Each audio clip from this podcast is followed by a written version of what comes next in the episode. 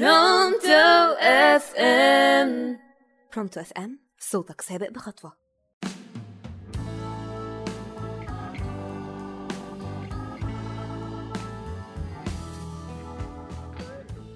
مساء الخير مستمعينا في كل مكان وانتوا بتسمعونا على Pronto FM النهارده برنامجكم ملهاش ملكة وحلقتنا عن منغص من منغصات السعادة. الضيف التقيل أو الشعور التقيل. أو اللي بيقولوا عليه في كتب علم النفس الشعور السلبي اللي بيكبس على مراوحنا زي الضيف التقيل بالظبط. بيبقى عارف إننا مش طايقينه ومع ذلك بيقعد ويطول ويثبت تلاقيه داخل عليك كده فجأة من غير لا إحن ولا دستور. الدهية اللي ورا كل سلوك ما إحناش راضيين عنه. قلق بيخلي النوم يطير من عقلي. توتر بيخليني عمالة آكل وأنا مش جعانة ومش عارفة أبطل أكل. غضب ممكن يخليني إن أنا أقوم على ولادي زعيق ونرفزة من غير أي سبب. شعور بالذنب بيجيلي بعد ما أتصرف بتهور واندفاع من غير تفكير. حزن اللي بيخليني غرقانة في أحداث حصلت في الماضي وعمرها ما هترجع تاني. طيب وإيه أسباب الشعور السلبي ده؟ أسبابه أول حاجة إن إحنا ما تعلمناش نتعامل مع المشاعر دي وننضفها أول بأول. فهي خدت من قبل مننا قرار المواجهة. طب يا ترى حصلت من إيه؟ حصلت من حاجات كتير حصلت من صدمات طفولة حصل موقف صحاها ذكريات حزينة ما راحتش لحالها فقد عزيز عليا ما عرفتش أتعامل مع الموقف ولا اتصالحت معاه. اتظاهرت إني كويسة وكله تمام لكن من جوايا لسه مجروح.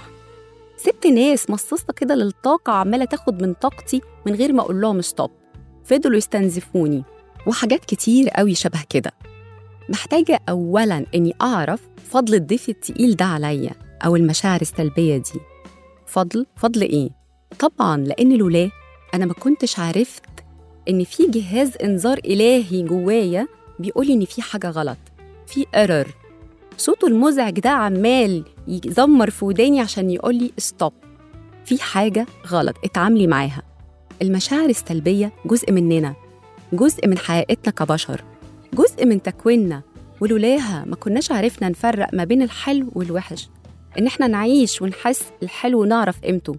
وإن ربنا ما حطهاش لينا كده عشان نشقى لأ ده حطها عشان يقول لنا عن طريقها رسالة وإن تقبلي ليها هو تقبلي لحياتي ونفسي وطبيعتي وقانون الخالق. وبالتالي لما تزورني أنا مش هتخض قوي يعني.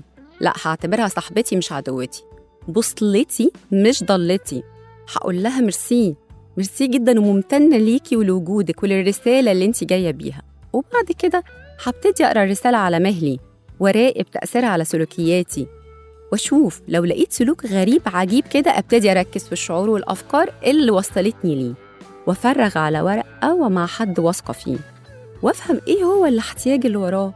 وأبتدي ألبيه لنفسي عشان أنا أستاهل وأستحق إن أنا أعيشها صح وأعيشها بسعادة لأن الحياة ملهاش إعادة. وبرضه ملهاش ملكة لكن حياتي أنا ملكتها في إيدي.